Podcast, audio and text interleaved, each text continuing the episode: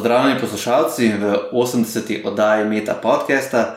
Tukaj z nami Urška Slabšek, eh, doktorska študenta kemijskih znanosti na Kemijskem inštitutu. Torej, Urška, ti si prvo stopnjo študirala biokemijo. Pa prvo vprašanje, zakaj ravno biokemijo, zakaj ne biologijo, zakaj ne kemijo, a se nisi mogla odločiti, kako si prišla na biokemijo? Najprej bi povedala to, da sem diplomirala po starem študijskem programu na univerzitetnem študijskem programu biokemije na fakulteti za kemijo in kemijsko tehnologijo. Se pravi, da imam diplomo in magisterij v enem, če zdaj primerjam z današnjim bolonskim sistemom. Um, kako sem pa prišla do biokemije? V četrtem letniku smo malo pred poskusno maturo pisali pregledni test iz kemije, ki sem ga odpisala porazno. Um, želela sem si študirati kemijo, pa sem pa rekla, joj, mogoče pa to ni najboljša ideja, glede na trenutne rezultate, mogoče bi pa zbrala nekaj vmes, fakulteta ostane ista, ki sem si jo na začetku zbrala, imela bo malo več možnosti za zaposlitev in sem se odločila za biokemijo, sprav malo mešanice med kemijo in biologijo. Pa še ena zanimiva um, anekdota, ko ravno govorimo o tvojih uh, srednješolskih letih. Ti, kar nekako tudi srednje šole, še na prvi stopni faksa nisi mogla pustiti za sabo, torej si še zraven prve stopne naredila še srednjo prizersko šolo. Kako bo to? Ja, mi smo imeli v prvem letniku biokemije ogromno splošnih predmetov, kemijo, organsko kemijo, biologijo, fizika, matematika, bolj na tej ravni biokemijo. Pa sem že takrat študirala, če bi lahko še kaj kreativnega zraven počela. Potem se je pa tekom drugega letnika porodila ideja o frizerski šoli, v, znotraj katere bi lahko unovčila svojo kreativnost in hkrati tudi delo z ljudmi, ker mi to veliko pomeni. Tako da sem se na koncu drugega letnika, oziroma tik pred opisom v tretji letnik, odločila za prekvalifikacijo frizer, kjer so mi v bistvu priznali vse maturitetne predmete, dodatno sem še upravljala samo strokovne predmete in praktični del. Um, želja potem je bila pa tudi velika, zaradi tega, ker kot sem bila otrok, so me večkrat zafušali in sem bila zelo jezna in na frizerja in na svoje starše, kako so lahko to zapustili. Sem rekla, ne, to se pa nikoli več ne bo zgodilo. Uh, moja frizerska zgodba se je zaključila tako, da sama sebe ravno ne morem ustrižiti, sem pa tekom svojega izobraževanja spoznala ogromno zelo dobrih frizerjev, ki jim z veseljem prepustim svojo frizuro. Kako pa se recimo razlikuje kreativnost v znanosti, pa ko iščeš nove ideje znanstvene, pa ko pišeš članek, kaj je to, kaj je sploh primerljivega z friziranjem, ali sploh ne? Uh, ja, pa ne. Um, jaz se recimo, kar se tiče friziranja, na čist drugačen. Kreativno, miselni pristop lotim. V bistvu je vsaka stranka posebna, individualna, se z njo v bistvu posvetujem, uh, kakšne so želje, kakšen je karakter, in na osnovi tega prijemo na to do skupne rešitve. Pri znanosti je pa seveda pač konsens, odvisen od znanstveno-raziskovalne teme. Uh, se mi zdi pa, da je tukaj zelo pomembna ta individualnost, ta samostojni prispevek, ki ga daš in v znanost, in v pač druge kreativne poklice, naprimer v frizerstvo, se pravi pač tista pikica na i, nekaj več. Kako pa to, da si se odločila za nadaljevanje študija, se pravi za doktorat? No, ta zgodba se je nekako začela že malo pred zaključkom mojega diplomskega študija. V četrtem letniku smo imeli predmet eh, določa, metode določanja 3D struktur, ki ga je predaval profesor Janez Plavec, ki je moj trenutni mentor na Kemijskem inštitutu mene v bistvu ta praksa v celičnem laboratoriju ni toliko zanimala, oziroma sem spoznala tekom študija, da mi ne da toliko. Uh, me je pa veliko bolj pritegnila sama metodologija, se pravi metode, ki sem jih spoznala tekom študija. Tako da sem profesorju Plavcu pisala po zaključku četrtega letnika, če je slučajno kakšno prosto me mesto za počitniško delo, se pravi, da malo, pridobim malo prakse, da spoznam metodo, če je res to. to in me je zelo pritegnilo. To počitniško delo je preraslo v diplomo na proteinskem področju, ki se je na to še v bistvu razširilo, nadaljevalo v doktorsko delo oziroma doktorsko raziskovanje. Kaj pa je to pritegnilo, kaj je bila tista stvar, ki te je povlekla noter? Sama metoda odkrivanja nekaj neznanega, novo znanje, enormne količine novega znanja, v bistvu koliko malo vemo in koliko je še pač neodkritega, koliko se še lahko naučimo in kako lahko pač preko znanosti tudi jaz doprinesem k boljšemu svetu. ker mi je v življenju zelo pomembna vrednota pač pomagati nekomu nekaj izboljšati in v tej točki mi znanost točno to tudi omogoča. Se smatraš bolj za biologinjo ali bolj za kemičarko? Ne eno, pa ne drugo. Sem strukturna biologinja. Kot sem že prej povedala, predmet je bil pač metode določanja prostorskih struktur. Um, s tem se tudi sedaj ukvarjam. Všeč mi je strukturna biologija oziroma ta detaljni pogled v strukturo, preko katere lahko določimo oziroma predvidevamo, kakšni so mehanizmi, kakšne bodo potencijalne interakcije, kakšne so interakcije, lahko jih tudi okarakteriziramo, popišemo, kaj se dogaja za strukturo, kaj, kakšno informacijo nam lahko da struktura in kako lahko struktura neke molekule, neke spojine prispeva k širši sliki, se pravi, naprimer v neki biološki poti, biološkemu procesu se pravi, ti drobci, ti detajli, ki jih lahko vidimo. In to nam pač NMR tudi omogoča, oziroma jedrska magnetna resonanca. Katere strukture točno pa preučuješ? Trenutno delam na področju prionskih proteinov. Prionske bolezni so nevrodegenerativne bolezni, med katere spadajo tudi Alzheimerjeva bolezen, Huntingtonova bolezen, Parkinsonova bolezen povezane so pa z strukturno spremembo normalne celične oblike proteina v napačno zvito obliko. Te napačno zviti delci proteina se pa na to nalagajo v celice, v primeru prionskih bolezni v celice centralnega žilčnega sistema in povzročajo njihovo propadanje, kar pa potem vodi v različne vedenske motnje, probleme s koordinacijo gibov in demenco, in pač na dolgi rok tudi v um, to, da oseb, obolela oseba ni sposobna več skrbeti za, za se, oziroma da umre. Kakšna urodja pa, oziroma naprave pa uporabljaš pri svojem raziskovanju? Prej si že omenila uh, NMR, kaj, kaj je to? Uh, NMR je kratica za jedrsko magnetno resonanco oziroma nuklearno magnetno resonanco. Uh, to je spektroskopska metoda, uh, podobno kot IR ali, ali UV. Se pravi, pač gledamo radiofrekvenčno oziroma magnetno sevanje, se pravi, kako atomska jedra absorbirajo in na to izsevajo elektromagnetno sevanje, ki ga pač tudi detektiramo s pomočjo jedrske magnetne resonance. Zdaj, točno s katerimi aparaturami se ukvarjam, to so pač NMR spektrometri, ki nam omogočajo analizo preučevanih vzorcev.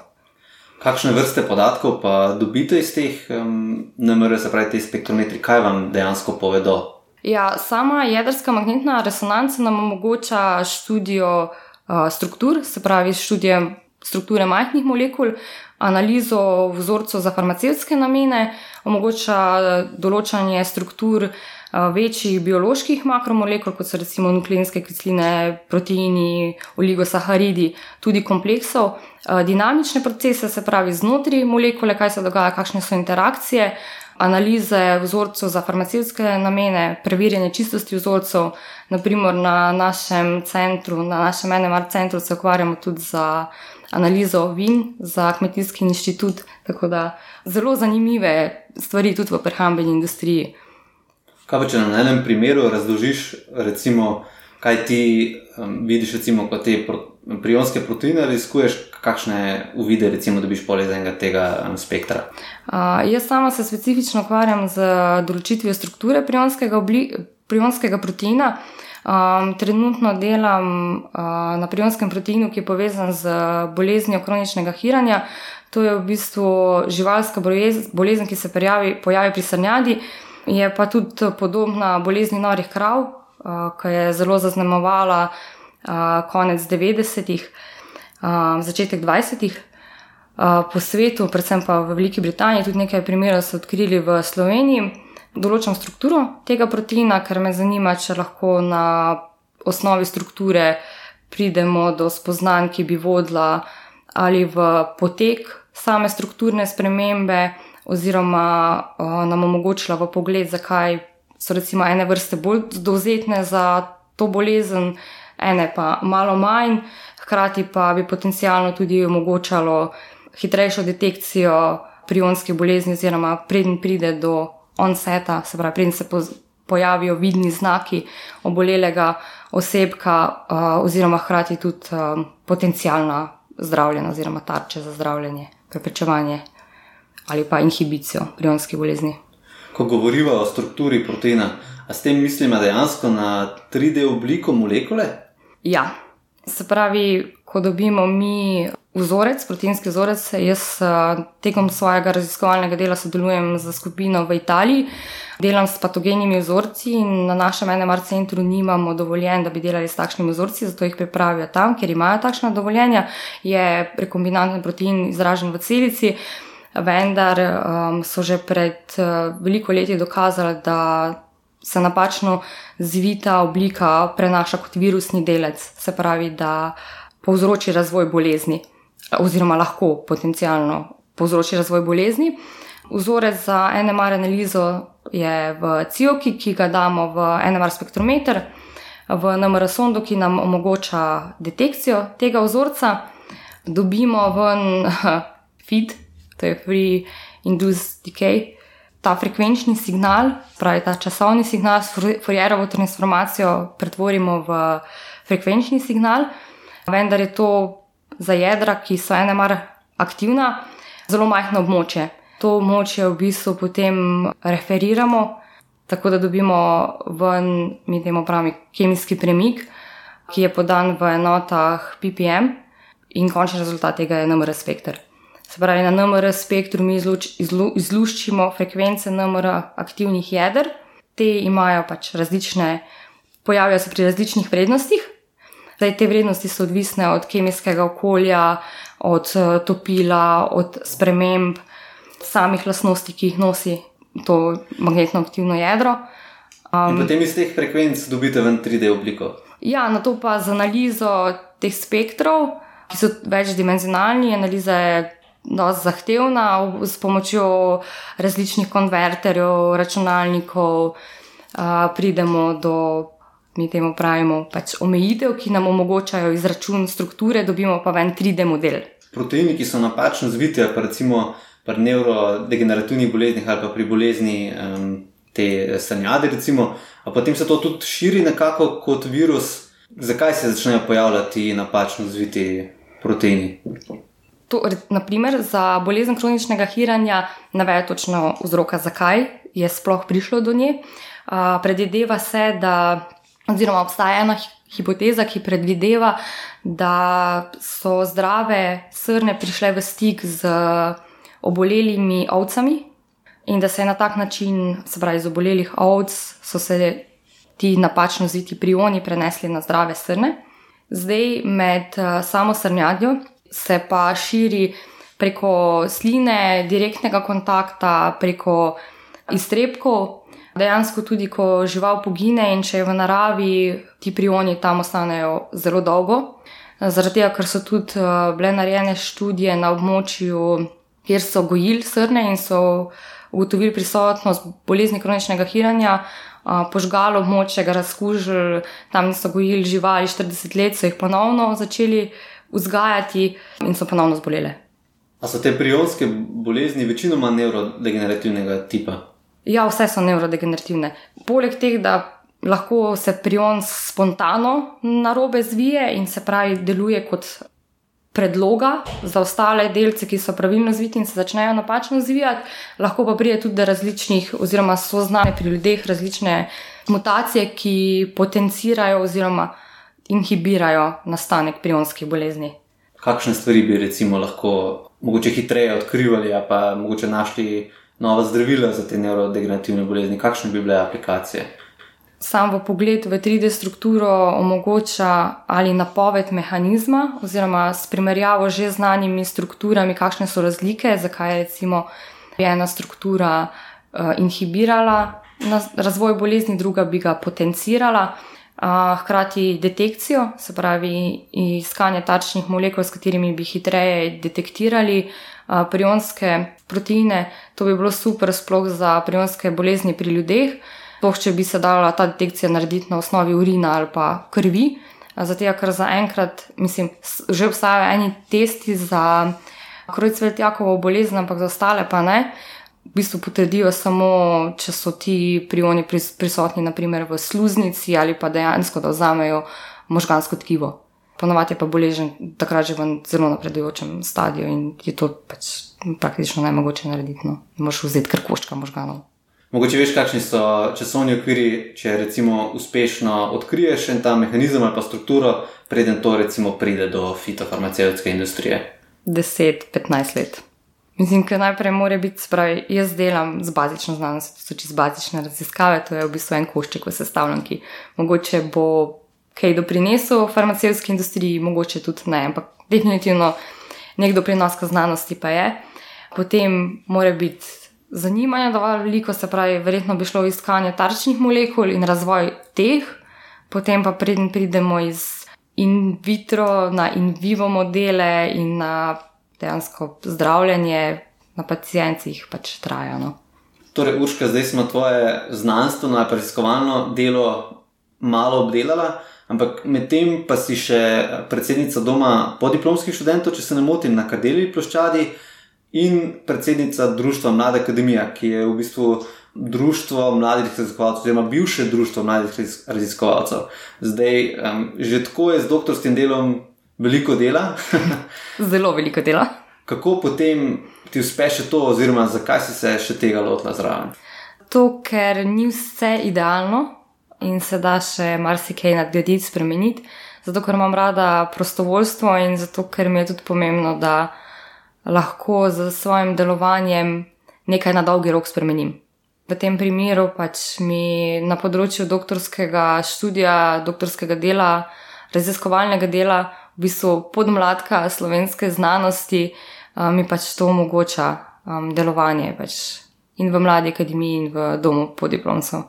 Lahko malo opišem, s čim se mlada akademija ukvarja. Ja, mlada akademija združuje doktorske študente in raziskovalce na začetku karijere, se pravi, v prvem pomenu pač združevanje uh, vseh skupaj. Ukvarjamo se tudi z političnim udestovanjem v visokošolski in raziskovalno razvojni sferi, skrbimo za medgeneracijsko odgovorno politiko na dolgi rok, potem organi organiziramo različne poljubno-znanstvene in strokovne dogodke, sodelujemo z RRS-jem, ministrstvom, univerzo, spravi različna dogovarjanja, medijacije, kaj bi se dalo izboljšati. Eden izmed zelo pomembnih dogodkov, ki jih organiziramo, je Mentor leta, s katerim želimo promovirati in poudariti pomen dobrih mentorskih praks in koliko je pomemben ta odnos med mentorjem in mentorirancem. Pravi, to so nekako na grobo ti aspekti, s katerimi se ukvarjamo. Kako si ti zadovoljna, Urška, z statusom doktorskih študentov in pa pozdokov? Ja, zaenkrat za doktorske študente, vse kar se tiče financiranja, je s programom MR in tudi z programom MR, ki ga bojo uvedli naslednje leto, oziroma prišel v prakso naslednje leto, so strani RRS zelo dobro poskrbljeno. Tudi lansko leto je ministrstvo izdalo uredbo za sofinanciranje šolnin doktorskih študentov in je tudi na ta način pač pomagalo k temu. Se mi zdi pa, da na tem področju manjkajo še vedno medijacije in evalvacije mentor, mentorjev. Tem po drugi strani se mi zdi pa, da bi mogli biti mogoče mal drugačen pristop ali pa malo večja podpora doktorskim študentom, saj strani pač višjih inštitucij, ki skrbijo za to. Kar se tiče pa stanja pozdokov, pa trenutno v Sloveniji ni tako dobro kot uh, s financiranjem doktorskih študentov, zato ker pač trenutno ni sredstev oziroma jih uh, vlada ne nameni za izobraževanje podoktorskih študentov, pa tudi recimo tisti, ki so išli na izobraževanja v tujino, na pozdoke v tujino, se zelo težko z novimi kreativnimi idejami vrnejo v Slovenijo, ker zaenkrat nažalost nimamo še scheme, ki bi omogočala vrnitev oziroma ki bi podpirala mlajše raziskovalce in jim dala v bistvu začetni finančni zagon, da bi speljali svoje ideje kakšne izkušnje iz tujine ali pa s tujimi doktorskimi študenti, kakšne so tiste težave, recimo, ki so mogoče bolj specifične za Slovenijo, pa jih druge poznajo malo manj, zato imajo mogoče, kot si sam rekla, sistem malo bolj um, dodelan, pa recimo več mentorjev, imaš delovnega mentorja, pa glavnega mentorja in tako naprej. Pa tiste, recimo, katerim pa ne moreš ubežati, se pravi, pač stres, to, kar moraš glih oddati članek, pa nimaš dovolj člankov. Pač v tujini imajo vse ti kolegi moji, ki študirajo, pa so na različnih eh, koncih, različne advisor boarde, mogoče več progress reportov, nekateri so tudi si želijo več individualnega dela in jim pač mentori dopustijo to individualnost, se pravi, da jih ne zavirajo, ampak jih spodbujajo. Um, seveda so taki mentori tudi v Sloveniji. Um, ampak tako bolj um, stiče perspektive, več je uh, mentorjev, zunanjih mentorjev, oziroma zunanjih, ki podpirajo doktorske študente in ki so jim na voljo, da če bi bilo karkoli narobe v odnosu med mentorjem in mentorirancem, da se lahko obrnejo na te osebe. Se pravi, nekakšni angeli, ki bdijo nad njimi. Se mi zdi pa, da gremo vsi doktorski študenti čez iste faze. Vsi se soočimo s tem neuspehom, ko nimamo rezultatov tako hitro, kot smo navajeni, ni, ni tako kot izpit, naučiš se, ga odpišeš, veš, da boš naredil in je to to, lahko se trudiš, eh, delaš, ne uspe, je treba iti enkrat na novo, premisliti stvari, se obrniti na drugo pot, eh, čist drugače pogledati na situacijo, morda spremeniti temo, morda drugače zapakirati stvari, preusmeriti področje dela. Se pravi, pač ti izzivi pa vsem ostajajo enaki, se pravi, kako se soočiti s tem neuspehom, s tem stresom, s temi deadline, ker vse posod so pač deadline in vsi jih lovimo na koncu.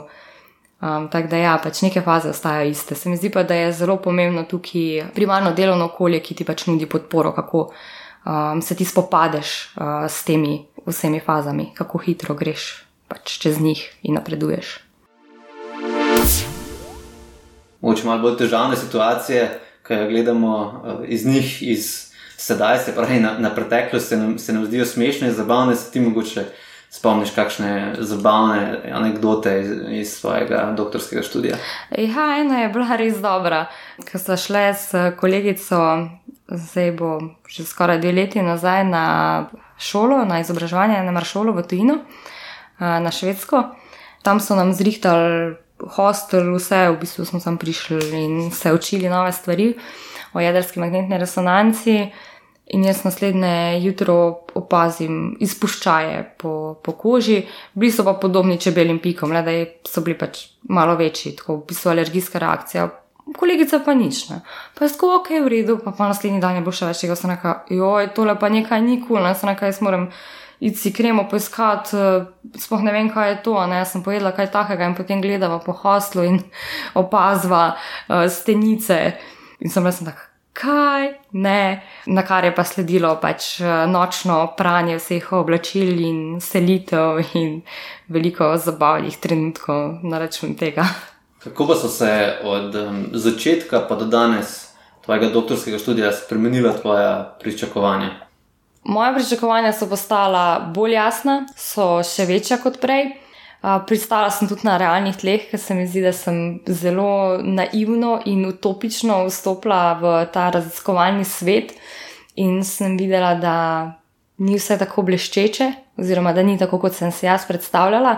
Moja pričakovanja so pa v bistvu še više, še više standarde imam, točno vem, kaj hočem, točno vem, kaj bi se dalo spremeniti, kaj se še lahko izboljša, kaj je super in na čemu je potrebno delati še naprej pa še vedno imam zelo rada raziskovanje in znanost in ta doprinos in čar tega, kaj še ni odkrito. Zakaj so se, so se ti zvišali standardi?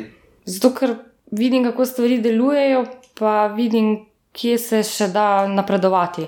Kaj pa, če bi šla na kavo s predsednikom vlade, kaj bi pa njemu predlagala, da lahko izboljša na področju znanosti?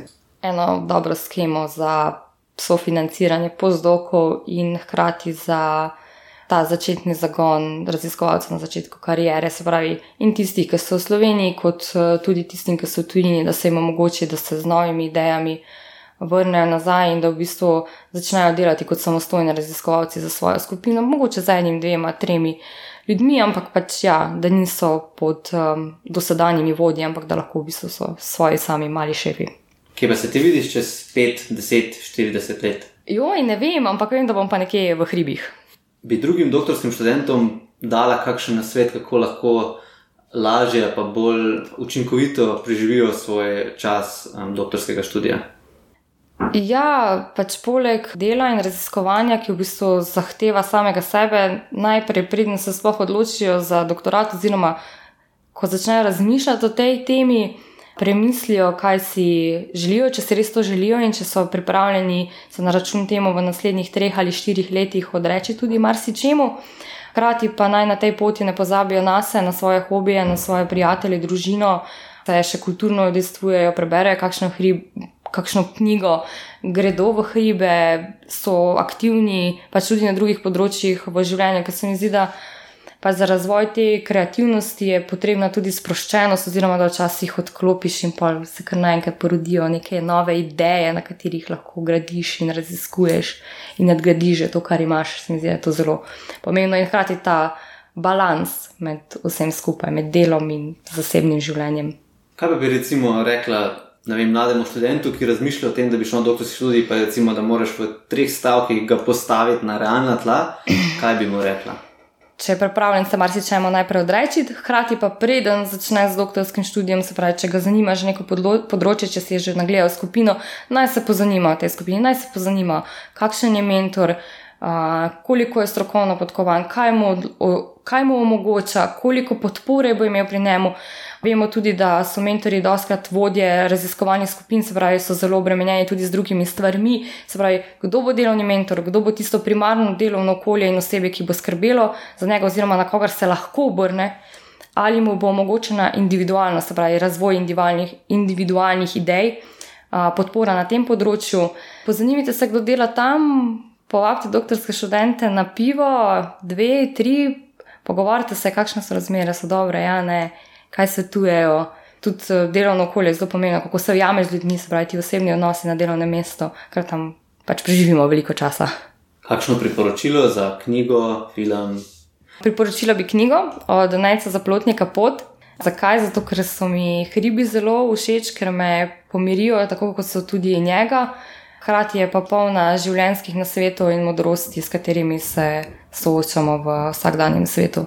In mi je ogromno dala, tako da je še veseljem rada vzamem v roke in preberem kakšno odstave, kakšno misel.